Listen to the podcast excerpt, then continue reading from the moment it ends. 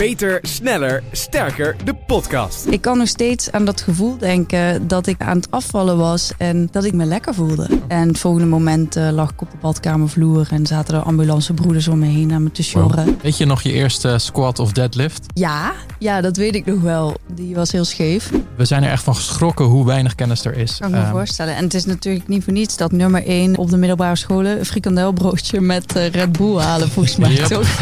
In Beter, Sneller, Sterker, de podcast gaan Martin de Jong van Mensheld en ik, Jordi Warners, weer in gesprek met experts en ervaringsdeskundigen over training, voeding, balans en zelfverbetering. Welkom bij Beter, Sneller, Sterker, de podcast. Yes, yes, yes, yes, daar zijn we weer. Beter, sneller, sterker, de podcast. Ja, en het bruggetje om de naam te onthouden, mensen, die komt, hij is briljant, BSS. Ik hoop niet dat dat ook een afkorting is voor iets heel erg smerigs of zo. BSS. Is uh, dat een, uh... Niet dat ik weet, maar laten we het niet googlen. Nee. Vooral niet googlen. Ja, Beter, Sneller, Sterker, de podcast. Aflevering 3 alweer. Ik vind het echt waanzinnig hoeveel leuke reacties we uh, weer hebben gehad op de vorige aflevering met, met Wouter Smit. Ome Moetroe. En daarvoor natuurlijk Jutta Leerdam. En ja, we zitten alweer halverwege januari, man. Het gaat echt het gaat hard. Zeer rap. Maar ja. tot nu toe wel gewoon lekker begonnen met leuke gesprekken. Dus wat dat betreft is het nu al het beste begin. Ja, en uh, nou ja, je weet het, hè, je mag altijd met je feedback, met je tips. Heb je tips qua gasten die langs moeten komen? Uh, stuur het ons vooral via Instagram. Jordi Warnes met de I, Martin de Jong met de Griekse I. Uh, daar kun je al je vragen ook kwijt, mocht je die hebben. ja, spam ons, weet je wel. We vinden het superleuk om van je te horen. dat mag je ook doen in Apple Podcasts, zeg maar, in de recensie, module, Spotify, abonneer je. Dat, vinden we we waarderen het gewoon heel erg als je, als je van je laat horen. Dat vinden we leuk. Toch? Top. Ja, nou ja, um, je kan ook. Nou, ik maak trouwens vlogs hè, tegenwoordig, YouTube. Oh, ja. Zal ik die er ook nog even ingooien? Jordi Warners kun je op YouTube uh, opzoeken, Jordi met de i. En dan vind je daar gewoon alle backstage video's rondom uh, deze podcast. En ik kan zeggen, het is nog best leuk om te kijken. Ah, dat vind ik Ook al hou je niet van vlogs. Nee. Um, ja, wat gaan we deze aflevering behandelen? We hebben deze aflevering, vind ik, een hele bijzondere, uh, een mooi gast. Marit Brugman. Wellicht niet de eerste persoon waar je gelijk aan denkt. Wat dacht jij toen ik haar voorstelde, Martin? Um, volgens mij was mijn antwoord iets van wie? Ja. En toen bleek dus dat ik er wel kende, maar nog niet een naam aan had gekoppeld. En niet uh, heel erg op de hoogte was van haar fitness- en uh, voedings... Uh, nee. zeg maar. Nou, Made Brugman kun je kennen als vriendin van YouTuber Dylan Hagens. laten we niet vergeten dat Marit zelf ook heel erg actief is op, op YouTube. samen maken zij gigantisch veel content. Dylan Hagens is echt een nou, gigantisch uh, merk geworden uh, inmiddels, waar zij ook uh, echt flink haar steentje aan, aan bijdraagt. Um, maar dat was niet de eerste plaats waarom ik haar uitnodig natuurlijk. Het is meer omdat ik haar een paar keer heb mogen ontmoeten, een paar keer heb mogen spreken en haar volg op Instagram. En zie dat zij heel veel met sport en met fitness bezig is. op een best wel zware manier ook. Want ze doet gewoon de compound oefeningen als squatten, deadliften en dergelijke. Um, en uh, zij komt er heel erg open voor uit dat zij vroeger anorexia heeft gehad, een eetstoornis. En ik denk dat we vooral met de kennis en ervaring die zij in de afgelopen jaren daardoor heeft opgedaan, heel veel kunnen. Welkom Marit. Goedemorgen, welkom hier in Werrij. Ja, dankjewel. Ik, ik voelde me al gelijk een soort van thuis. Ik heb net even bij een benzinepomp even een uh, broodje gehaald. En ik loop de winkel uit en dan is het... Uh, ja, gezellig hier is. Ik vind het echt gezellig. Ik vind, ik vind echt het dialect in Limburg vind ik super gezellig. Nou, ik denk dat ze plek genoeg hebben voor je, Jordi. nou, voorlopig blijf ik nog even in Hilversum wonen. Uh, Marit, dankjewel dat we langs mochten komen. Ja, graag gedaan. Wij zitten op het kantoor van, uh, van, van jou en van Dylan. Klopt. Uh, nou, superleuk ten eerste om, om te zien, om het decor te zien, wat, wat veel van jullie kijkers ook wel, wel kennen uit de video's. En um, ja, tof dat je te gast wil zijn in deze podcast. Ja, ik vind het ook heel leuk. Ik was een beetje verbaasd dat jullie mij vroegen, dus uh, heel tof. Nou, die wil ik wel even uitleggen ook inderdaad. Want um, ik denk dat na mijn uitle uitleg het eigenlijk heel logisch is dat jij te gast bent. Want jij hebt in het verleden een eetstoornis gehad, anorexia. Ja. En uh, tegenwoordig laat jij eigenlijk ook aan jouw kijkers, aan jouw volgers zien... dat sporten leuk is en dat fitness leuk is. En vooral, dat was eigenlijk de allereerste reden dat ik dacht van, nou, volgens mij moeten we Marit uitnodigen. Omdat um, er tegenwoordig volgens mij niet heel veel influencers of uh, uh, mensen met een jongere doelgroep uh, laten zien dat, dat deadliften, dat bankdrukken, dat het leuk is. En al helemaal niet heel veel vrouwen. Tuurlijk, je hebt heel veel sportinfluencers en, en heel veel fit girls, heel veel fit boys. Maar niet volgens mij heel veel influencers die nou, de basis iets anders doen, maar dit ernaast laten zien. Nee, dat is wel waar inderdaad. Ja, daar ben ik misschien wel een van de weinigen in. Het is ook wel iets wat ik eigenlijk pas afgelopen jaar een beetje ben gaan laten zien. Ja. Ik vond het best wel een moeilijk onderwerp, want ik deed het wel al een tijdje. Maar omdat ik juist een eetstoornis heb gehad en ik weet dat er heel veel meiden mij volgen, ook met eetstoornissen, uh, wil ik ze niet triggeren. Ik wil juist laten zien inderdaad dat het op een gezonde manier kan. En ik was best wel op zoek naar hoe die balans dan duidelijk in mijn social media te zien kon laten zijn. En dat, ja, volgens mij is dat wel redelijk gelukt. Nou, maar even voor duidelijkheid. Jij, jij, uh, want ik noemde net deadliften, bankdruk en dat soort dingen, squatten. Dat doe jij allemaal ook, ja, toch? Ja, zeker. Nou, dat vind ik juist zo stoer, omdat uh, nou, we hebben Norsli in het verleden hebben geïnterviewd. Uh, nou, Jutta Leerdam was onze allereerste gast. Uh, zij doet dat natuurlijk omdat zij topsporter is, schaatser is, dus ook heel veel haar benen traint. Maar er zijn niet heel veel, tenminste, correct me if I'm wrong, hè, maar er zijn volgens mij niet heel veel vrouwen die ook echt die grote compound oefeningen doen in de sportschool. Als ik ook zie bij mij in de sportschool ben ik toch wel nog steeds een van de weinige vrouwen daar in het krachthonk. Ja. Maar ja, ik vind het oprecht heel leuk. Ze zijn er wel, maar als ze het doen, dan zie je het gelijk vaak in een soort extreme manier. Uh, en niet op een nuchtere manier zoals jij het doet. Jij laat gewoon zien van, hé, hey, ik wil gezond zijn en dit hoort daarbij en is de weg er naartoe. Maar dat is heel wat anders dan van die soort powerlift-achtige uh, nou ja, beesten. Vaak die dan het extreme laten zien. Want je hoeft niet gelijk 100 kilo op te tillen als je wil deadliften. Zeg maar 15 kilo is ook een gewicht. En, ja. uh, en dat vind ik wel heel mooi aan jou. Dat het, het hoeft niet allemaal zwaarder en sterker op die manier. Nee, leuk om te horen. Dat ja. is wel een beetje het beeld, denk ik. Ja. Vind, vind jij het moeilijk nog om over je eetstoornis te praten? Uh, nee, helemaal niet. Ik, eigenlijk een aantal jaar geleden was voor mij ook wel duidelijk van... Uh, ik wil er juist open over zijn ja. om uh, anderen te helpen. Uh, want ik weet dat er nog steeds een taboe op heerst. En zolang je ervoor schaamt, dan denk ik ook dat je het probleem in stand houdt. Dat het een taboe blijft. dus ja, ik, ik vind het helemaal niet erg om erover te praten. Ik ben er heel open over. Vond je dat wel ooit moeilijk? Of is het gewoon direct, zo gauw je zeg maar wist wat het was, praatte je er vrij over? Nee, totaal niet. Juist toen ik wist wat het was en toen ik ziek was, toen wilde ik het er helemaal niet over hebben. Toen zei ik ook vooral van, ik heb eigenlijk helemaal nergens last van. Mm -hmm. uh, ook zelfs toen ik een kliniekopname had, uh, ben ik daar niet heel open over geweest. Wel naar mijn omgeving, want ja, die wist ook wel, ineens is Marit niet meer aan het werk en ineens is ze ergens anders. Uh, maar niet verder in het openbaar. Het is pas echt daarna gekomen. Uh, ik denk een, uh, een jaar daarna of zo dat ik dacht, ja, het, het, is belangrijk om hier open over te zijn, want daarmee kan ik anderen helpen. En Ja. de- dat is al de moeite waard om het dan ook te vertellen. Nou, ik ben gelukkig, ik ben er blij mee dat je dat zegt, omdat het ook wel een van de redenen is waarom ik denk dat deze podcast heel waardevol kan zijn. Niet alleen voor mensen die misschien ook een eetstoornis hebben, eh, maar ook omdat heel veel sporters, en ook als ik naar mezelf kijk, met het droog trainen, met het trainen in de sportschool, met het letten op voeding en op calorieën, daarin ook veel te ver zouden Hmm. kunnen gaan. En ook misschien sommige momenten wel eh, zoiets hebben van, oh, misschien moet ik het even los proberen te laten en dergelijke. En dan kan jouw, eh, nou ja, heftige verhaal, of nou heftige verhaal, maar jouw, jouw heftige stoornis destijds, misschien ook wel toe leiden dat mensen die nu aan het luisteren zijn, die er wat minder last van hebben, ook daar wat van kunnen opsteken. Ja, ik denk het wel. Want ehm, wat ook zo is bij het ontstaan van een eetstoornis, eh, is het vaak zo dat er wordt begonnen met ofwel een dieet of meer focus op gezonde voeding, wat ik zelf ook heb gedaan. En dat kan dan doorschieten als je daar gevoelig voor bent,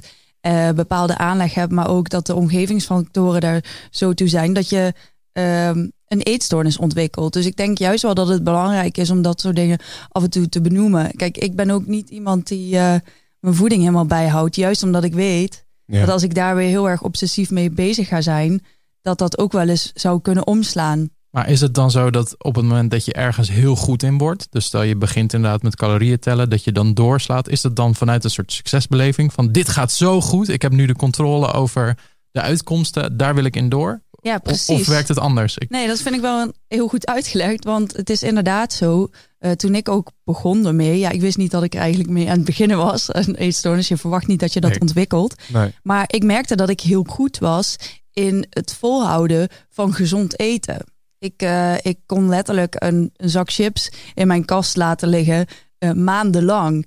En dat geeft je een kick. Ik had bijna ook zoiets van. Ik voelde me bijna een soort van in het begin. Ja, klinkt heel stom, een beetje superieur naar anderen toe. Van kijk, mij lukt dat wel Ja. om heel gemakkelijk eh, dat eten in balans te houden. Mij lukt het wel om heel makkelijk calorieën te tellen. En helaas kan ik het nog steeds, calorieën tellen. Dat zit gewoon echt heel erg in mijn hoofd. Ja. Ehm, ik wist zelfs wat er in elke hamburger van de McDonald's zat. Terwijl ik daar niet eens naartoe ging. Maar meer een soort van als voorbereiding op. Als ik er ooit zou zijn, wat kan ik dan in ieder geval eten om niet in de stress te raken? Ja, ja maar dat, dat weten waar alle calorieën in zitten. Dat weet jij natuurlijk, Martin, ook. Dat weet ik inmiddels ook. Ik weet Mhm. nog, dat er was een of andere spelshow op televisie afgelopen week. Waarbij bij een postcode loterijspel of zo. Waarbij Bo voor een paar schermen stond. En er waren twee deelnemers. En die moesten raden eh, in welke producten, zeg maar, hoeveel calorieën er in die producten zaten. En ik wist ze allemaal feilloos tot op de calorieën aan toe. Wist ik ze allemaal te benoemen. En dat Waarbij geeft ik- een lekker gevoel, Ja, toch? waarbij ik echt zoiets van, yes, ik heb het goed, weet je Ja. wel, dat. Maar, maar, ehm, maar dit weet jij nog, want jouw stoornis eigenlijk, of eh, het moment waarop jij begon met letten op je eten, en eigenlijk, dat begon omdat jij naar een diëtiste ging, omdat je last had van darmproblemen, toch? Klopt. Het was niet per se om af te vallen. Ehm, ik, eh, ik had ook gewoon een gezond gewicht. Ik zat wel wat aan, nou ja, eigenlijk niet eens. Het is echt aan de bovenkant. Volgens mij was ik iets van eh 66 kilo of zo, wat verder prima was voor mijn lengte. Ehm, maar eh, ik ging naar de diëtiste voor darmproblemen, want ik heb echt enorme obstipatie, echt al jaren. Eh, en zij zei tegen mij van, ga eens wat meer op vezels letten. En omdat ik meer op vezels moest gaan letten, moest ik meer pakjes gaan omdraaien. Ja. En ineens zag ik daarbij eigenlijk ook het woord calorieën. En eigenlijk omdat ik juist meer vezels ging eten, dat zit vaak meer in groenten en brood en gezonde dingen, eh, ja, was ik onbewust gezonder gaan eten. Maar ik vond het steeds interessanter worden. En eh, uiteindelijk dus ja, iets te interessant, zeg maar. Maar het is niet zo dat per se dat andere mensen die ook denken van ja, maar ik vind calorieën ook interessant, dat dat gelijk een probleem hoeft te zijn Nee. van oh, je zit nu op weg naar. Dat, Nee. dat is niet zo, toch? Nee, zeker niet. Want jij noemt het zelf een ziekte, zei, zei je net. Ja, Hoe, hoe zit dat? Ja, het, het, is, eh, het is natuurlijk eh, een psychische ziekte. Het is psychische ziekte nummer één waar mensen aan overlijden, helaas. Oké. Ehm, maar het is, het is wel iets meer natuurlijk dan alleen maar op je eten letten. Eh, je krijgt een zware fixatie met je lichaam. En als het gaat om anorexia, betekent dat dat je een fixatie hebt met je, je gewicht. Hè, wat enorm drastisch omlaag gaat. Ik ben ongeveer de 20 kilo afgevallen. Eh, en op een punt dat je zwaar ondergewicht hebt, maar niet kan stoppen daarmee. En ook te bang zijn om überhaupt een kilo aan te komen. Ehm, en puur dat allemaal draait om controle. Dus het zijn vaak jonge meiden, maar er zijn ook jongens die geen controle hebben op andere dingen en controle dan zoeken in het eten en bezig zijn met je Ja. lichaam. En je raakt gewoon, je raakt eraan verslaafd. Oh, ik, ik kan nog steeds aan dat gevoel denken dat ik aan het afvallen was en dat ik, dat ik me lekker voelde. Dat is heel raar. Maar ik, ik Nee, dat is helemaal niet raar.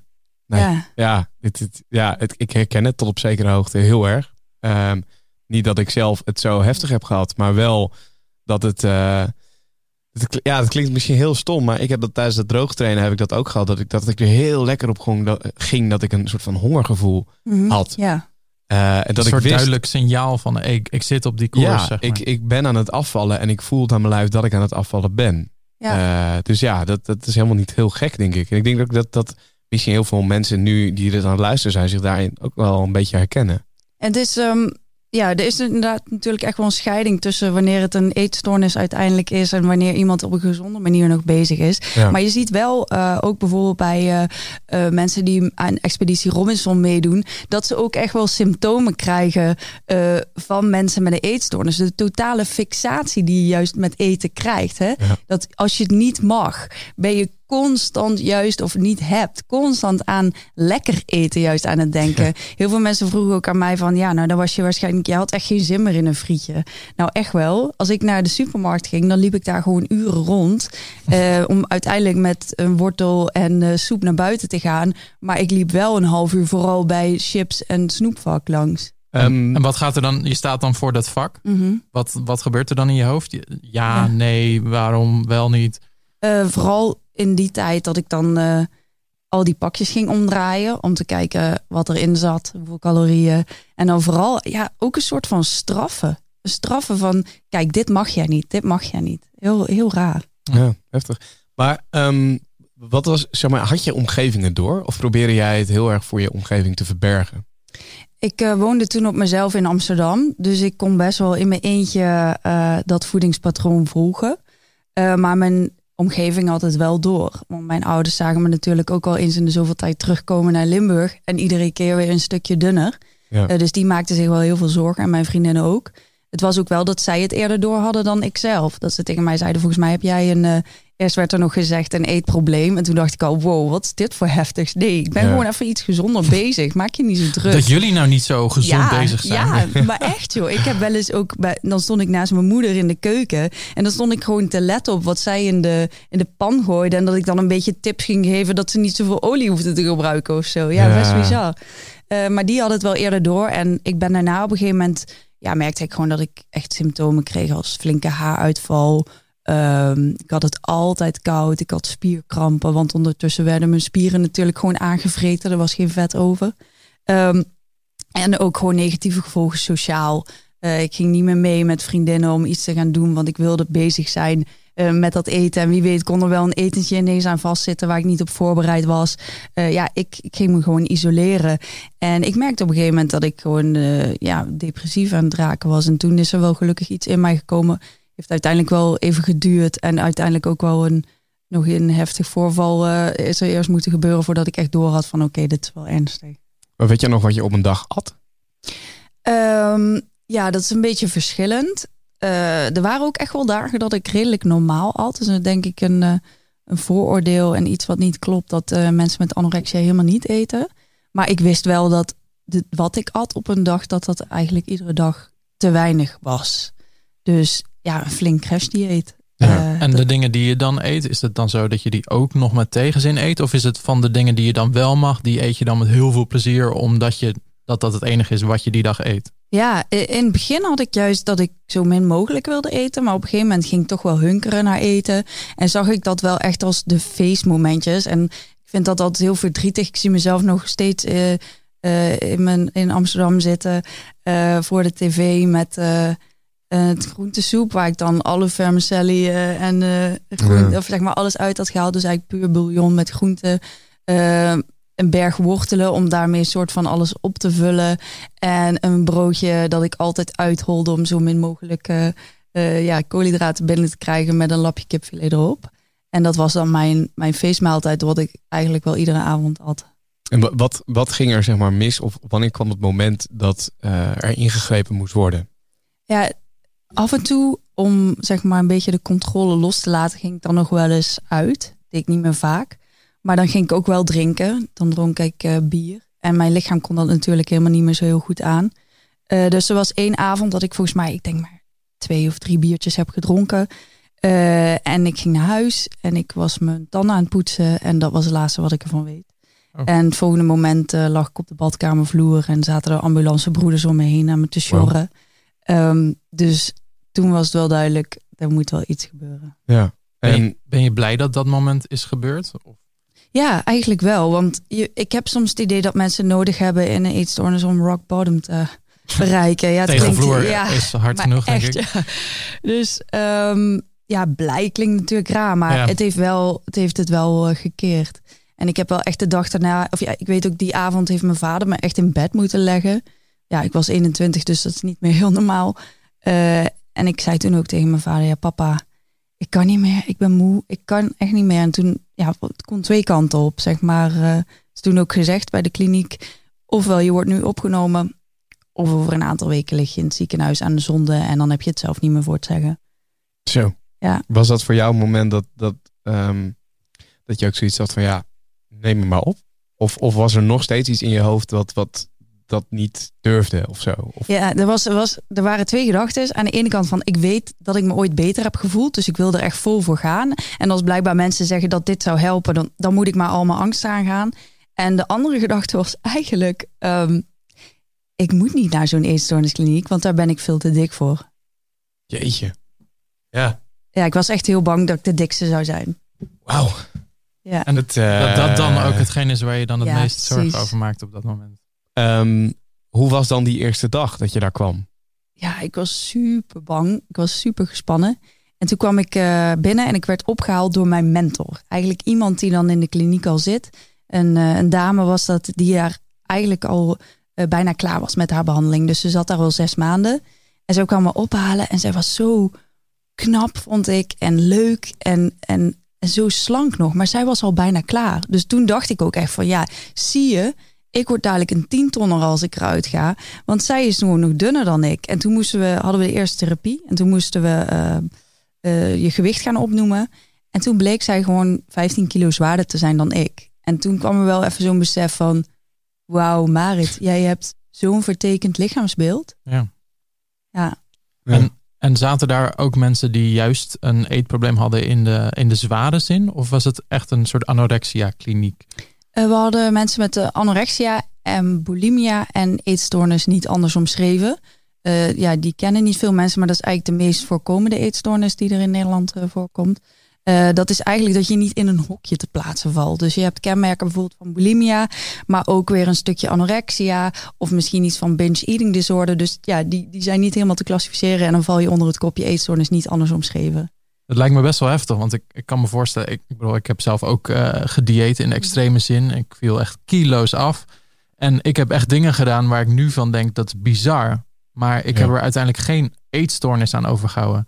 Ik kan me ook best wel voorstellen als je dan gaat googlen uh, en dan bij die laatste categorie, dat die misschien zo veelzijdig is dat je voor jezelf makkelijk uh, kan beoordelen van ja, ik heb dat, ik heb dat. Ja. Maar is dat iets waar je mee bezig bent als je dat hebt? Of zoek je juist dat helemaal niet op, zo'n diagnose voor jezelf? Uh, nee, ja, vooral in het begin niet, totdat mensen zich om je heen zorgen gaan maken. En ik denk het grote verschil tussen een eetstoornis en iemand die gewoon aan het afvallen is, is als jouw leven volledig in het teken staat, zeg maar, van dat je daarmee bezig bent en negatieve gevolgen heeft op je lichaam en je leven, mm-hmm. dan gaat het wel richting een eetstoornis. Als het echt ten koste gaat van je gezondheid eigenlijk. Ja, ja. Want bij Ja, ons was het, zeg maar, hoe, hoe bizarre dingen je misschien ook doet om, om gezonder te willen eten.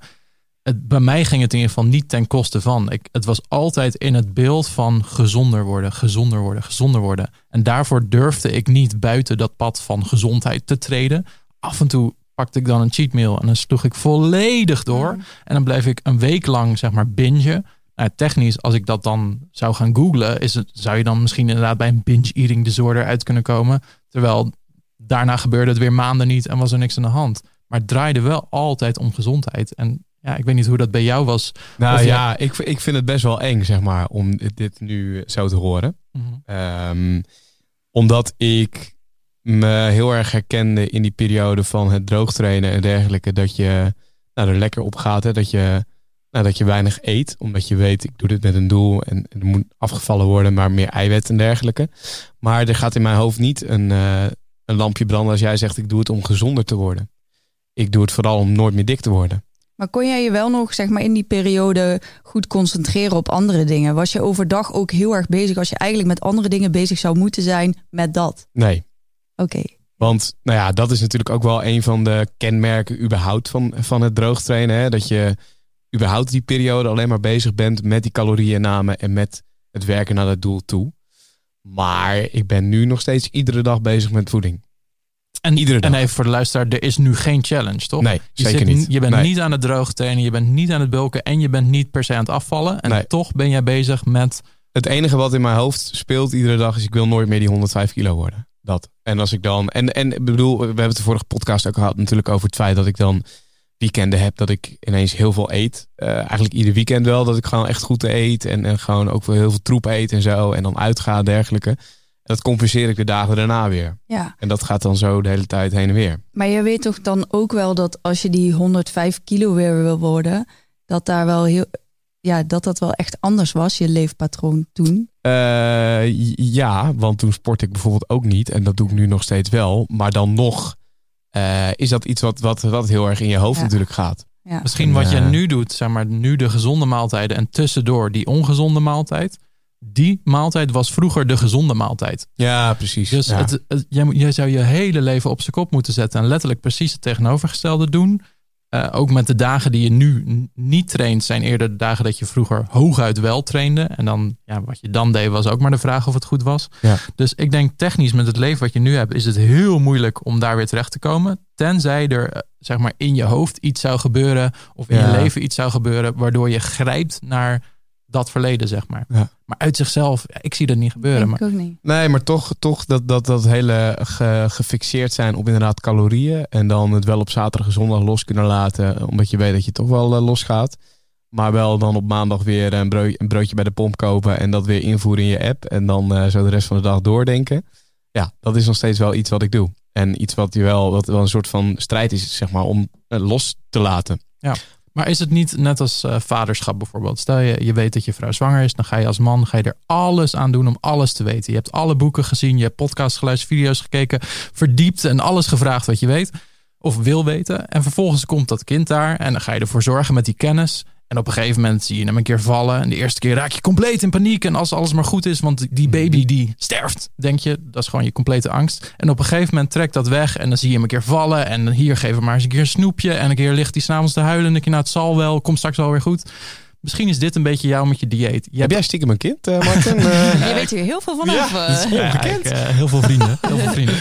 Nee, maar ik kan me zomaar voorstellen dat je, jij wil gewoon de beste basis van kennis. Je wil alles in de gaten hebben. Ehm, en op een gegeven moment lukt dat. En dan zie je dat het goed gaat. En dan groeit dat kind in jou op tot iemand die voor zichzelf kan zorgen.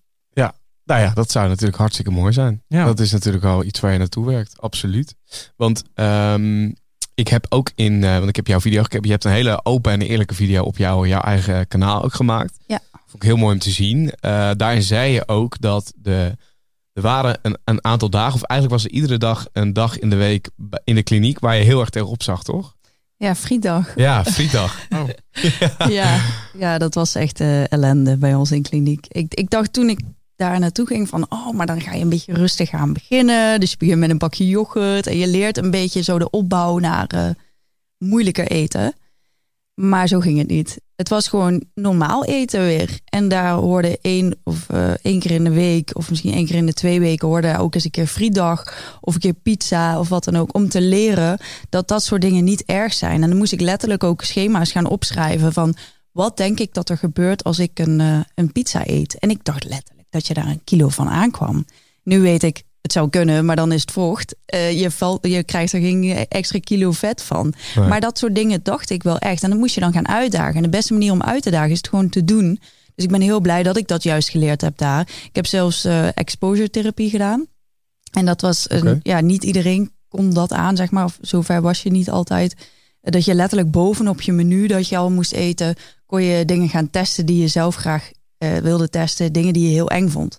En eh, ja, dat, zo heb ik op een gegeven moment zelfs eh, naast mijn menu eh, nog drie keer in de week extra snacks gegeten. En ik merkte dat ik daar niet extra van aankwam of zo. Dus dat was knap. heel verhelderend. Ja, dat was doodeng. Ja. Oh, ja, maar, maar is het dan een keuze die je uiteindelijk zelf maakt in die kliniek? Omdat je denkt, ik wil inderdaad echt vooruit gaan? Is er op een gegeven moment een knop die omgaat? Ja, ik, eigenlijk toen ik daar naar binnen ging, toen was er voor mij, ik zei, ik ga nu alles volledig aan. Ik ga niet met één been erin stappen, want ik ben bang dat ik dan ook niet echt heel veel uithaal. En dat is denk ik ook wel mijn redding geweest om met die manier eh, die insteek erin te gaan. En ik had een hele fijne behandelaar. En zij was heel realistisch en lekker down to earth. Zij zei ook letterlijk tegen mij: Ik heb ooit een keer heel erg hard zitten huilen omdat ik chips moest eten, maar ik wist niet hoeveel je van een zak kon eten. Ik vond het doodeng. Ja. Eh, en toen zei ze ook tegen mij, want ik zei, ik ga het niet doen, ik ga het niet doen, ik stop ermee. En toen zei ze tegen mij, ja, Marit, weet je, je hoeft het niet te doen. Hè? Je hoeft dit niet voor mij te doen. Ehm, je kan ook een prima leven hebben uiteindelijk zonder chips. Maar wil jij, als er dadelijk een keer een feestje is en er staat een klein bakje chips op tafel, daarop gefocust zijn? Of wil je eigenlijk gefocust zijn op de gesprekken die er gevoerd worden en plezier hebben? Toen dacht ik, ja, dat is de reden waarom ik hier vanaf wil. Niet omdat ik per se daarna iedere dag chips wil eten, maar ik wil niet meer bang zijn voor chips. En toen heb ik huilend, heb ik zo zitten, chips zitten eten. Maar eh, ja, zo ben ik wel alles aangegaan. Wauw. Ja, En ehm, is het dan zo dat als je op een gegeven moment het tegenovergestelde moet gaan doen dan dat je gewend bent, dat je daar dan ook weer een voldoening uithaalt? Dat je dan denkt van, eerst was je trots als je die chips niet at, dat je dan juist trots haalde om ze wel te eten? nou dat, nee, dat, dat vind ik nog steeds altijd heel lastig. Want dat zeggen mensen dan wel tegen jou van, wauw, wat knap dat je, ja, weet ik veel wat, iets slechts hebt gegeten. Of slecht, het is niet slecht, maar eh, calorierijker voedsel. En voor mij voelt dat nog steeds van, dat is toch raar? Want voor iedereen is van, oeh, nou, je hebt wel een beetje gezondigd. En ik moet daar trots op zijn. Ja. En toch is het eigenlijk wel iets om trots op te zijn. En vooral als ik daarna niet ga compenseren, dan is het echt iets om trots op te zijn. Ik heb, ik denk twee jaar geleden, hebben wij een keer een video gemaakt. Een week lang alleen maar McDonald's eten. Ja. En het was eigenlijk niet de bedoeling dat ik daar per se aan mee zou doen. Zou Rick, mijn teamgenoot, gaan doen. En toen dacht ik, weet je wat? Ik ga gewoon meedoen. Nu, nu ga ik ook gewoon een keertje helemaal eh, laten zien hoe ver ik ben gekomen. Voor al die mensen die met een eetstoornis zitten. Wat goed. En eh, het was bikkelen. Maar eh, ik, ik heb het gedaan. En ik vond het vooral belangrijk om te laten zien dat je niet per se hoeft aan te komen. En ik was ook letterlijk geen gram aangekomen. Dus eh, ja. En ook voor jezelf om te zien, want je zegt nu voor de kijker ook. Maar ik kan me voorstellen dat het voor jezelf net zo spannend is. En dat het een hele mooie stok achter de deur is. Zo'n video, omdat je weet dat het een kader heeft. ja, zeker. Super. Ik, anders had ik dit natuurlijk nooit gedaan. Nee. Ehm, dus voor mij was het ook een goede test van hoe ver ben ik eigenlijk. En ik heb echt wel op dag vier eh, vond ik het heel lastig. Dat zie je ook in die video. Ik weet nog dat ik we waren onderweg naar McDonald's en ik, ik zei tegen Dylan, ik kan niet meer. Ik kreeg, kreeg gewoon ja, hartkloppingen. Ik werd angstig, zweethandjes. Ik zei, ik stop ermee. En zei Dylan, oké, dit ga ik filmen. En ik had zoiets van, nee, dit ga ik, ja, maar dit is wel het echte verhaal, weet je. We hoeven niet te laten zien dat jij het lachend doet. Nee. En dat zit ook echt in die video. En ik ben wel doorgegaan en daar ben ik heel blij mee. Want daardoor heb ik het hele bewijs kunnen leveren dat Ja. een week McDonald's niet per se betekent dat je dan acht kilo zwaarder bent, waar ik eerst heel bang voor was. En ik wil, wij willen helemaal niet McDonald's promoten, hè. het is ook niet gesponsord. Maar eh, juist om te laten zien van, hè, wat gebeurt er nou daadwerkelijk? En het was wel zo natuurlijk dat we veel te veel zout hadden gegeten. Suiker was natuurlijk echt absurd. Eh, maar zolang je een beetje je dagelijkse dingen blijft doen en je gaat drie keer per dag naar de McDonald's, je bestelt niet iedere keer een heel menu, dan kan het best dat je gewoon eh, na een week er hetzelfde uitziet. Ja, ja.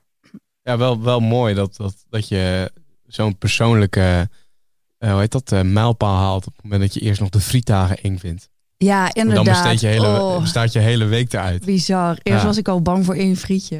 Ja. De- de- hoe lang heb jij uiteindelijk daar gezeten? En wanneer was het, kan je nog het moment herinneren dat je, eh, ja, noem je dat ontslagen worden ook uit de kliniek? Ja, ontslag, ja. Ontslag? weet Beste je dat ontslag wat je ooit hebt. Ja. Ja, dat weet ik nog heel goed. Ik, ik zat er bijna een half jaar. En ehm, En zit je daar dan, voor mijn beeldvorming, zit je daar iedere dag? Ga je niet naar huis? vijf tussendoor, dagen in de week. Dus Vijf in het weekend ga je naar huis. En dat is juist ook wel belangrijk om dan de dingen die je hebt geleerd te testen. Want ja, uiteindelijk moet je het wel zelf gaan doen thuis.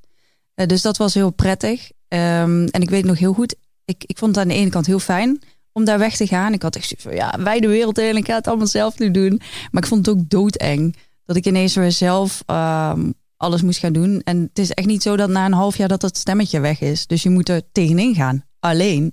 Ja. En is dat waarom het dan een ziekte wordt genoemd? Zeg maar omdat het stemmetje blijft? Is het een soort. Ja, en vooral een psychische stoornis natuurlijk. Het zit echt in je hoofd. Ja. Eh, en, en dat stemmetje, dat, dat, dat is er zeker. En dat, dat is er nog steeds wel is, bijna niet. Eh, maar ik kan er nu gewoon mee omgaan en ik, eh, ik luister er niet naar. Vooral dat. Ik weet ook gewoon als ik, als ik echt eh, een paar dagen bijvoorbeeld eh, daar een beetje last van heb, dan weet ik ook, oké, nu moet ik juist even helemaal geen salade bestellen. Om Ja. er wel tegenin te gaan. Maar ik denk dat iedereen ook wel in een zekere zin een stemmetje in zijn hoofd heeft. Eh, sowieso om goede of slechte beslissingen te maken. Ik bedoel, we hebben deze hele vorige podcast tot aan hier hebben we het gehad over eh, de balans, je gezond verstand. Ja. Je gezond verstand is natuurlijk een stemmetje en daartegenover Mhm. heb je een, zeg maar, een soort ongezond verstand. Ja. Ja. Nou, ik weet dat als ik slecht slaap, dat dat andere stemmetje veel harder praat dan mijn gezond verstand. Eh jij hebt het misschien als je drinkt, eh, dat je dan dat andere stemmetje luider hoort. Ik denk dat we allemaal manieren hebben om, eh, om onze stemmetjes in balans te houden. En op het moment dat je ene stemmetje altijd sterker is dan die ander, dat het dan sneller richting zo'n diagnose kan gaan. Ja. Kan ik me voorstellen. Maar ja, ik, ik- misschien is het niet dat als je dit nu hoort, dat je denkt van ja, maar ik heb ook zo'n stemmetje. Oh nee, paniek. Nee, Nee. iedereen heeft dat. Alleen ja, hoe, hoe ga je ermee om? Ja. Nee, het is natuurlijk ook echt eh, het aandeel van mensen met een eetstoornis is relatief klein. Ja.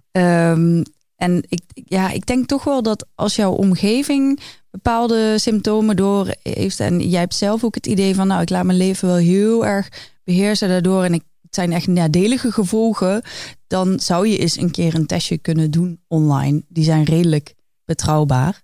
Oké. Ehm, maar ja, de- de- ik wil ook echt helemaal niet via deze podcast mensen het gevoel geven dat ze. Nee. Maar het is natuurlijk wel hebben. lastig, want wanneer zegt iemand wat tegen jou? Je gaat niet tegen iemand zeggen, goh, wat zie jij er slecht uit? Nee. Toch? Dat is, dat is wel een drempeltje Zeker waar, Ik, eh, ik was nog tot aan het einde, liep ik rond in de sportschool. En dan, uh, toen was ik echt van de cardio. Dus ik stond drie kwartier lang te rennen. Ik weet echt niet hoe ik dat deed, want dat, daar had ik helemaal geen energie voor. Maar dan rende ik gewoon drie kwartier en ik kwam er nog iemand naar me toe en die zei dan, nou wat heb jij een mooi lijntje zeg. Ja. En ja, dus het is heel, heel lastig. lastig. om dat door te hebben. Maar ik zie dat nou zelf ook gebeuren bij mij op de sportschool. Een meisje die, ja, is gewoon echt heel sneu. En dan denk ik wel eens van, ja, moet ik er dan wat van zeggen? Of wordt er door de sportschool misschien wel eens iets door gezegd?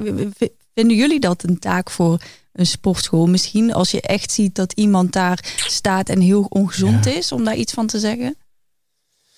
Nou ja, kijk, um, sowieso ligt het volgens mij heel erg aan welke sportschool. Want ook niet. Uh, ik zit zelf ook bij een, uh, een goedkope sportschool. Uh, en ik, als ik daar rondloop, dan ja, heb ik ook niet echt het gevoel dat mensen daar heel erg veel verstand van hebben die er werken. Heel eerlijk gezegd. Ik weet dat. Oh, wat erg. En iemand van die sportschool luistert naar deze podcast. Oh, sorry. um, oh, daar heb ik ook eigenlijk niet over nagedacht. Is dat iemand die ik toevallig ook nog een gezond verstand beker uh, te goed sta? Ja, nee, over haar kan ik niet oordelen. Maar ja. uh, nee, uh, ja, vind ik lastig. Want, want wie zijn die mensen, zeg maar, om het echt te weten? Als je bij een budget sportschool zit, dan hebben die mensen wellicht ook niet alle kennis om zomaar over iemand te oordelen. Ja, maar als er bijvoorbeeld bij een sportschool staat van je krijgt hier persoonlijke begeleiding, hoort dat er dan misschien bij? Dan vind ik het wel. Als jij tekent voor hulp, dan is dit de hulp die je ook moet verwachten. Alleen je kunt er niet op rekenen dat het een soort vangnet is. Nee. Uh, en dat, dat doet waarschijnlijk ook niemand. Maar ja, ik denk, er zijn heel veel trainers die zoiets meteen zullen zien door ervaring. En er zullen andere mensen zijn die het misschien vanuit hun opleiding hebben meegekregen, maar daardoor ook niet zullen herkennen. Dus ja, je kan er niet op rekenen, denk ik. Nee. En ik denk ook niet dat het.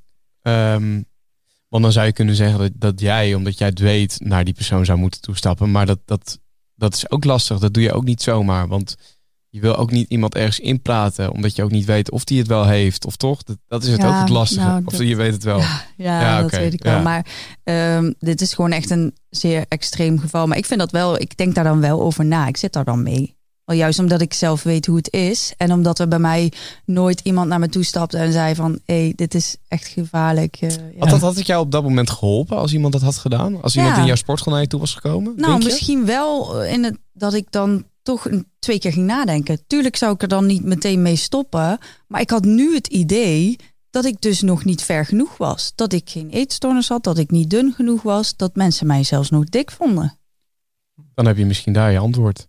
Ja. Maar is het uh, misschien goed voornemen voor 2020. Ja, nou ja, het is, het, is, het is ook heel lastig. Ja, Ja, dat is het ook. Maar wat als je naar de toestapt met een andere insteek dan ik ga jou eh, iets aanpraten, maar meer van hey, ik ga met haar praten en we Ja. zien wel wat er uitkomt. Misschien stelt ze jou wel een vraag en dan heb je er helemaal niks aangepraat, zeg maar. Maar dat je Ja. puur even het contact sluit. Ja, misschien is dat wel een idee. Ik vind dat wel een voornemen. Want ehm, jij vertelde ook in jouw video uiteindelijk dus dat jij de kliniek uitkwam, dat je voor jezelf kwam te staan en dat jij toen eigenlijk het grootste geluk van je leven tegenkwam. Eh, daar trouw je binnenkort ook mee met, ja, met Dylan. Ehm, heb je het hem gelijk verteld? Wa- Was het iets wat gelijk ter sprake kwam bij jullie? Of, of wist hij toevallig al of zo? Ik, ik weet niet hoe lang jullie Mm. elkaar kenden. Nee, ja, in het begin eh, niet. Eh, toen heb ik het hem nog niet verteld. Maar op een gegeven moment wordt dat wel een gespreksonderwerp. Vooral omdat ik er... Ik was er een aantal maanden uit. Maar dan zit je toch wel met een stukje nazorg en zo. Ja. Dus eh, ja, ik heb hem dat wel relatief snel verteld. En hij had vooral zoiets van... Oh ja, ik heb geen idee. Ik weet helemaal niet wat die ziekte inhoudt. En hij was heel erg verbaasd toen die verhalen van mij hoorde...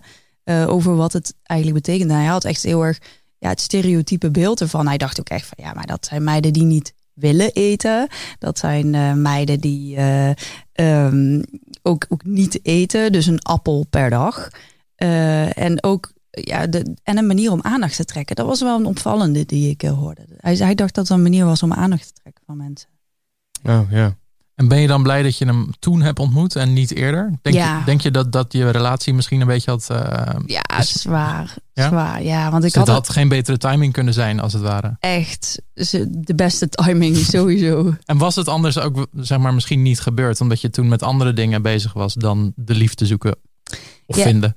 Ja, nee, ik had, ik had een relatie toen ik, eh, toen ik ook in de kliniek zat. En, en wat ik heel triest vind, is dat ik het echt letterlijk, denk ik, een maand nadat ik, of ja, zoiets nadat ik klaar was, het uit heb gemaakt. Maar dat kwam omdat die relatie puur gebaseerd was op die eetstoornis. Eh, alles draaide daarom. En ik kon hem ook niet meer loszien van die eetstoornis. En hij mij ook niet. Dus dat werkte ook helemaal niet meer.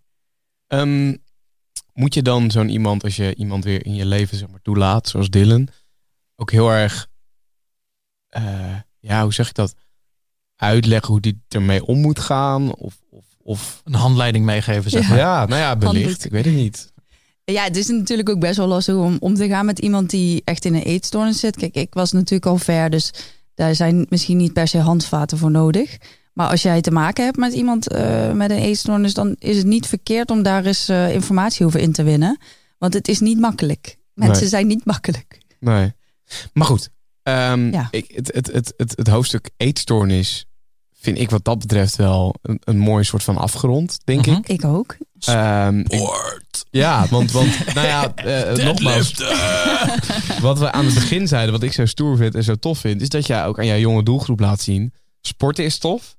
Maar hell yes, ik ben ook eh, van, de- van de zware compound oefeningen. Ja, en eh, als ik sport, dan doe ik ook niet, eh, nou, ik wil niet zeggen watjes gedoe, dat is helemaal niet waar. Maar eh, je bent wel van, de- van de zware compound. Ja, ja, en dat had ik eerst ook helemaal niet verwacht. Want ik heb altijd eigenlijk aan hardlopen gedaan. En ik merkte dat ik dat op een gegeven moment saai vond worden. Ik, ik haalde ook niet meer echt voldoening uit. En ja, dan kan je op een gegeven moment 15 kilometer hardlopen. Ja, moet je wel de tijd weer voor hebben. Absoluut. Eh, dus ja, dat, dat, daar haalde ik gewoon geen voldoening meer uit. En toen eh, kreeg ik een personal trainer. We gingen eigenlijk met bedrijf gingen we bedrijfstraining doen. We vonden het wel goed voor iedereen. Uiteindelijk ben ik samen met iemand anders nog als enige overgebleven. Ehm, maar eh, toen merkte ik van, oh, ik vind het juist eigenlijk... als we juist deelkrachttraining gingen doen... het was meer hit wat we deden... Ja. Ehm, dat vond ik eigenlijk het allerleukste. En toen ben ik me daar meer en meer in gaan verdiepen. En dat vind ik ook het allerinteressantste om daar heel veel over te lezen en dat weer eh, mee te nemen. En eh, zodoende ja, ben, ik er, eh, ja, ben ik er heel blij mee. Dat, ik haal er gewoon echt heel veel plezier uit. Ja, dat snap ik. Ik, ja. Weet je nog je eerste squat of deadlift? Eh, ja, ja, dat weet ik nog wel. Die was heel scheef. Knieën, knieën naar binnen en eh, ja, wat lag er op mijn rug. Ja, dat maakt eigenlijk niet eens uit. Maar eh, nee, die, die waren nog niet echt heel erg goed. En vooral, ja, ik, ik wist gewoon ook helemaal niks van techniek en hoe belangrijk dat was. En dat het veel meer daarom gaat dan meteen zware kilo's op je nek leggen.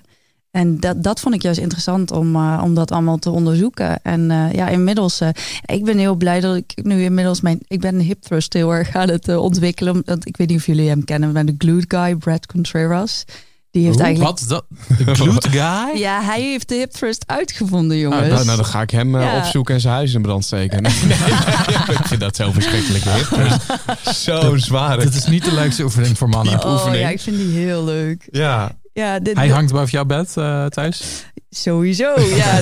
Kijk, als ik niet met Dylan zou trouwen, zou het met Brad zijn. Nee, nee. Ehm, nee maar eh, het is best wel interessant. Ik heb ook echt een dikke pil nou die ik aan het lezen ben van hem. Echt, eh, ehm, hij heeft zich heel erg verdiept in, eh, in glute training.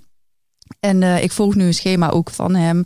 En eh, ik ben super snel vooruit gegaan, maar ik ben nu full body eigenlijk aan het doen. En dat werkt Ja. voor mij echt eh, veel beter. Maar ik kan nu hip thrusten en dan met, eh, wat is het nu, 130 kilo. En dat vind ik heel... Dat is eh, hartstikke veel. dat vind ik heel heftig.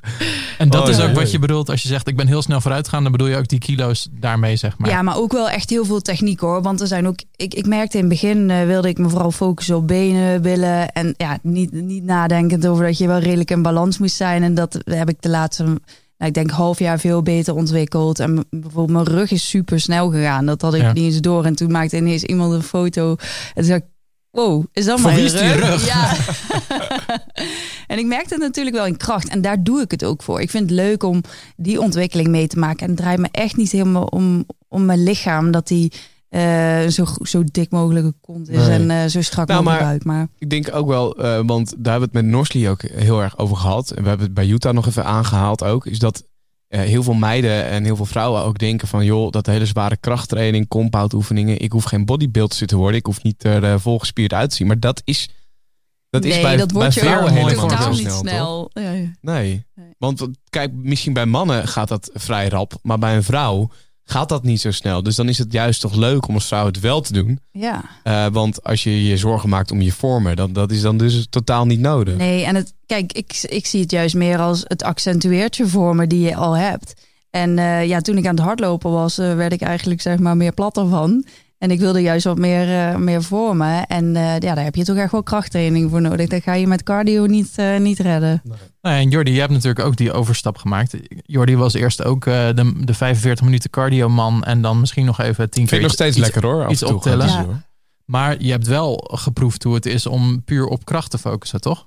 Ja, en want uh, daar komt dat zeg maar met het verbranden een soort van, nou niet obsessie, nou wil ik het ook niet te heftig maken, maar um, ik was, dat zei ik altijd tegen Bram, en vooral in die droogtrainperiode waarbij het ook gaat om, om afvallen, is dat um, ik was bang dat ik met, met krachttraining niet te veel verbrandde.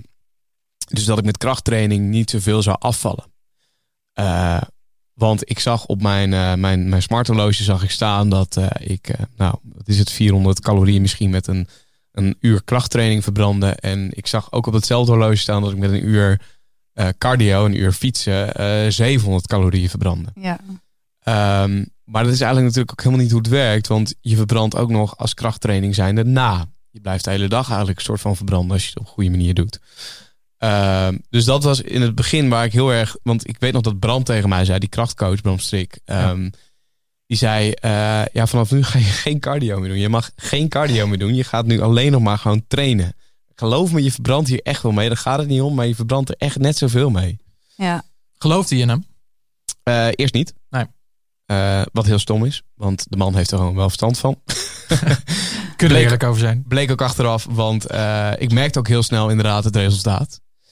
Uh, maar nu vind ik het gewoon af en toe ook lekker om te doen. Dus dan doe ik, uh, ik heb een, een, schema van vier uh, trainingen per week, waarbij je dan verdeeld is in upper body en dan lower body, zeg maar. Dus de ene dag is het squatten en dergelijke. Dan tussendoor weer borst en boven, armen en dergelijke. En dan weer deadliften en zo. Dus vier schema's. Dan vind ik het heerlijk om een vijfde cardio te doen. Of zoals nu heb ik een schema waarbij die vier trainingen uh, meestal best wel kort duren, rond de 40 minuten. En dan vind ik het lekker om nog even 20 minuutjes te fietsen, omdat ik het gewoon lekker vind ook. Ja. En die, die sessies zijn niet meestal strategisch gepland na een weekend zondigen? Nou, nee, die plan ik uh, wanneer ik kan. Oké, okay. dus, dus dat is gewoon puur een losse sessie van even het hoofd legen. Ja, ah. nou trouwens, nee, oh, je bedoelt cardio sessie. Ja. Nou ja, dat wel. Okay. Dat, als, ik, als ik een weekend echt uh, even flink naar de kloot ben gegaan ja, dan plan ik op een zaterdag of een zondag wel even zo'n zo'n cardio sessie in. Um, maar ja, ook omdat ik het gewoon lekker vind. Omdat ik dan weet, oké, ik heb gevroten en ik heb gezopen en ik heb alle remmen losgelaten afgelopen nacht. Nu mag ik ook wel even zweten in de sportschool. Nu mag ik ook wel even, want daardoor blijf ik ook weer in balans in mijn hoofd. Ja, want het is niet alleen dat je die calorieën weer wegbrandt. Het is, je voelt je misschien een niet zo gezond persoon na zo'n weekend. Ja. En op het moment dat je drie kwartier cardio doet, dan voel je je gewoon een fitnessbeest. Ja. En dat merkte ik heel erg bij powerliften. Ik heb dat dan bij Bram Strik gedaan. Uh, heel lang en nu ook weer vanaf januari.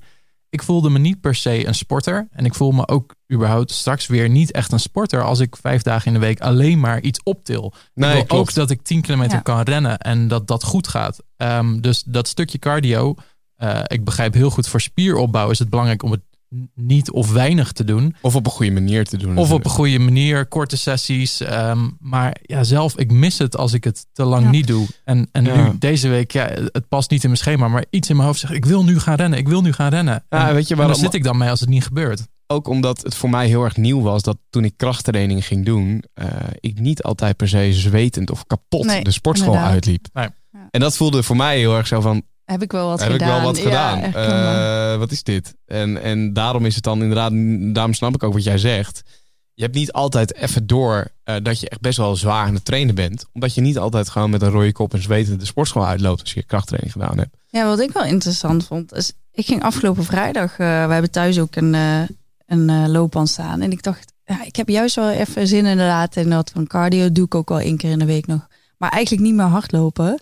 En ik dacht, nou, dat, dat zit er niet meer in hoor. Ik heb al een aantal maanden niet gedaan. En ja, wat gaat er gebeuren? Ja. En toch lukt het dan nog wel om een, uh, een vijf kilometer gewoon naar uit te rennen. En denk Hoppa. ik, ja, dat is wel Ja. lekker. Dat die basisconditie er wel gewoon nog zit. Maar, maar train jij dan ook met een, uh, een smartwatch om of zo? Of iets wat je hartslag uh, bijhoudt? Ja, ja. Ja, want, want ik heel interessant vond om te zien. En, en daar kom ik weer terug bij Bram. Want die riep ook wel eens... Houd toch eens op met die cardio. Je bent gewoon cardio aan het doen hoor, net hier. En dan kwam ik inderdaad zwetend bij hem vandaan. Dat cardio, heel veel mensen denken gelijk aan fietsen of aan, aan, aan inderdaad op de loopband. Maar als jij met kettlebelt uh, vijf minuten bezig bent, nou dan gaat die hartslag naar de 170. Ja. Bij mij ook. Dan ben je dus ook gewoon eigenlijk gewoon cardio aan het doen. Alleen dan met een krachtcombinatie. En dan is het inderdaad ook niet zo gek dat als jij een week later op de loopband gaat staan, dat je alsnog gewoon merkt dat je dit kan volhouden. Nee, precies. En vooral, ik doe natuurlijk nu full body, dus ik haal elke dag ook wel mijn hartslag wel omhoog. Want vooral die beenoefeningen, een Bulgarian split squat. Nou, ik oh, sta wel te zweten hoor. Ja. Oh, dat is ook jouw lievelingsoefening? Nee, of? ja, je noemt nu echt twee oefeningen. De Bulgarian split squat, die heb ik in het begin heel veel gedaan uh, met Bram. En inderdaad die hip thrusters. Verschrikkelijk. Terwijl ik het, ik vind het lekker, dan heb ik gedeadlift aan het begin zeg maar, van mijn workout of gesquat. Uh, dus dan heb ik dat gehad. Dat, dat is voor mij een beetje de, de het zware het drempelgedeelte. Dat ben ik, ik vind het lekker om te doen hoor, maar ik ben blij als het erop zit. Uh, en dan zie ik in mijn schema nog staan dat ik op zo'n uh, leg curl mag gaan zitten. Of zo'n ja, uh, ja. leg extension, weet je wel, apparaat. Ja, dat voelt als, als gewoon bijkomen. dat voelt, terwijl ik daar ook 130 of zo op zit of zo, weet ik veel hoeveel. gewoon zwaar, maar ik kan even lekker zitten. Even, gewoon stom, niet nadenken, gewoon dat ding omhoog duwen. ja, ja, ik ben eigenlijk ook maar een lul, maar goed. Top. Volgens mij is het uh, een mooi bruggetje om uh, met onze voedingsexpert uh, Dr. Ludidi in gesprek te gaan. Of in ieder geval te horen wat hij te zeggen heeft over zuivel. Want is het nou wel of niet goed voor je? Nou, zuivel kan ik redelijk kort over zijn. Um, er zijn drie dingetjes die ik wil bespreken. Allereerst de voedingswaarde. Zuivel bevat um, ja, calcium, dat is waar het van oudsher bekend om staat. Um, daarnaast ook eh, vetten in vetoplosbare vitamine, maar ook andere vitamine, B12 bijvoorbeeld. En eiwitten, daar kan het ook een belangrijke bron voor zijn. Niet voor niks zijn zuivelproducten ook heel populair onder uh, bodybuilders en uh, mensen in de fitnessindustrie. Uh, het is echter overtrokken dat je iedere dag, zoals Joris Driepinter destijds adviseerde, drie pinten aan melk drinkt. Een glas melk is meer dan genoeg om aan je dagelijkse zuivelbehoefte te komen, als die er al is. Want je hoeft niet per se zuivel te eten, laat ik dat voorop stellen. Maar het kan wel een belangrijke bron zijn van voedingsstoffen. Nou, ten tweede is het denk ik belangrijk om kort te benoemen dat niet iedereen even goed zuivel kan verdragen. Dus als je een lactose-intolerantie hebt of een lactose uh, allergie, dan is het niet goed om, uh, dan is het vooral af te raden om zuivel te, te, te, consumeren. Alle andere mensen die kunnen in principe best wel een portie zuivel per dag eten. En uh, als laatste ligt de zuivelindustrie natuurlijk... en daarmee ook de intensieve veehouderij... die ligt uh, stevig onder het vergrootglas... vanwege de grote CO2-uitstoot die dat met zich meebrengt. Waarvan we ondertussen toch wel goede aanwijzingen hebben... dat dat, uh, ja, dat, dat een bijdrage zou kunnen leveren... een stevige bijdrage zou kunnen leveren aan global warming als je voor zuivelproducten kiest, zou mijn advies altijd zijn om te kiezen voor, um, voor producten die meer vanuit een biologische uh, insteek geproduceerd zijn. Of ga bij de lokale boer langs. Daarmee verklein je de ecologische voetafdruk die, je, um, ja, die, die, die gepaard gaat met het consumeren van alles wat wij eten en drinken tegenwoordig. Of ga langs bij een lokale boer. Daarmee verklein je de ecologische voetafdruk. Denken wij hierover na? Doen wij dit? Doe jij dit, Martin? Ik drink niet heel veel melk. Maar ik ben wel een uh, fan van zuivel. Dus uh, in een, een variant of kwark of iets in die trant. chocola uiteraard ook. Um, ja, ik ben er niet mee bezig om zo min mogelijk zuivel in mijn dieet te krijgen. Er zijn mensen die, die houden van vegan eten of ja, andere vormen. Maar ik, ik zelf heb daar weinig last van. Dus ik, ik eet het geregeld. Maar ik probeer ja, niet te veel. Uh, en dat heb ik vroeger, had ik een soort kwarkverslaving. En dan had ik echt soms drie bakken kwark per dag. En daar kreeg ik echt enorme buiksteken van. Dus uh, dat doe ik niet meer. En jij? Um, nou, kijk, ik durf hem bijna niet toe te spreken. Want het is de man die, uh, die ook voor Badahari gezorgd heeft dat hij een topfit was. qua voeding in ieder geval voor de wedstrijden. Dr. Ludie is een man met ongelooflijk veel kennis. En ik heb hem hoog zitten. Maar uh, als we dan echt kijken naar beter voor het milieu en dan voor biologisch gaan, is het, dat vraag ik me ook af. Dat vind ik heel lastig, want uh, volgens mij heeft een biologische kip meer CO2-uitstoot dan een plofkip. En uh, welke keuze maak je dan? Maak je dan de keuze voor wat beter is voor de kip, of maak je dan de keuze wat is beter voor het milieu? Mm -hmm. En dat zijn twee afwegingen die ik nog niet heb kunnen maken. Ja. En dan ga ik maar voor de makkelijke manier. En dat is misschien dan nog slechter, maar ja, vind ik, vind ik heel lastig. Uh, als het dan puur gaat om uh, zuivelconsumptie, denk ik dat ik überhaupt al heel weinig zuivel. Het enige wat ik, dat zijn eieren en melk drink ik eigenlijk al niet. Kwark, drie keer per week, misschien twee keer per week of iets. Maar daar houdt het ook wel mee op. Maar het is niet zo dat je een soort zuivel is de duivel in je hoofd hebt. Zo nee, zeker niet. Ik weet niet hoe het met Marit zit. Nee, ja, ik um, zuivel ongeveer, uh, nou, ik denk vier keer in de week. En dan eigenlijk geen melk, alleen uh, kwark. Maar dan ook niet echt uh, extreem één bakje. Dat is de mooiste uitspraak van het woord kwark die ik ooit heb gehoord. Wil je hem nog één keer van Hoezo? Zeg ik dat heel... Oh, zeg ik dat zo raar? Nee, ik weet het niet. Nog één keer. Oh, sorry, ik ging of net zeg je net kwark? Kwark? Zeg kwark? Ja, maar Martin die komt voor het eerst buiten de ring van Amsterdam. Ja. Joh, die, uh... Schitterend. ik heb het niet door. Nee, maar ja, dat vind ik, dat vind ik lastig hoor. Kijken, dat is misschien ook niet uh, per se een onderwerp voor de, voor, de, voor de podcast. Misschien ook wel. Maar het, het hele kiezen tussen biologisch verantwoord of tussen het milieu is volgens mij op dit moment gewoon nog een hele moeilijke keuze. Uh, het een is beter voor het ander, maar het andere niet beter voor dat. Ja, en je weet het ook gewoon niet. Want dan zijn er stickers en dingen in de supermarkt die vervolgens gewoon verkocht worden. Je, ja. Ik vind dat heel lastig. Mm -hmm. Wat ik overigens wel goed vind, en dat is volgens mij iets wat nu in ontwikkeling is, of al is gedaan. Dit is een nieuw keurmerk, toch? Als ik me niet vergis. Je had altijd de gezonde keuze. Ja, en die wordt ook volgens mij verkocht gewoon. Ja, ja hè? Ja, ja, toch? Tenminste, die is nu weg, geloof ik. En er is nu een nieuwe, nieuw label voor in de plek gekomen. Was het niet betere keuze of zo? Ja. Ik durf het ook niet te zeggen. Ja. Nou, die betere keuze. Uh, kijk, van het andere label weet ik niet zo heel goed. Maar volgens mij voor die betere keuze heb ik laatst wel eens een keer gelezen. Uh, klinkt in mijn ogen beter. Hey. nee, maar omdat uh, er wordt echt daadwerkelijk goed onderzoek gedaan naar het aantal calorieën, maar ook hoeveel suiker erin niet zit en dergelijke. En dan wordt er een sticker opgeplakt. Wat ik wel heel stom vind, is dat dat label niet verplicht is. Niet verplicht is? Nee. En volgens mij hebben ze in België of in Duitsland een systeem waarbij je met aantal sterren of zo gaat werken of wat dan ook. Maar wat, wat, wat vinden jullie daarvan? Van de voeding in de supermarkt, zeg maar. En als we dan gaan kijken naar stickers of labels of een reepje, een, een, weet je, zo'n ontbijtreep waarop staat goed bezig, terwijl daar misschien nog meer suiker in zit dan een blikje Red Bull en dergelijke. Wat, wat vinden we daarvan? Super verwarrend. Ja. Ik ben blij dat ik uh, vanaf jongs af aan met voeding bezig ben geweest en met koolhydraten voor mijn diabetes.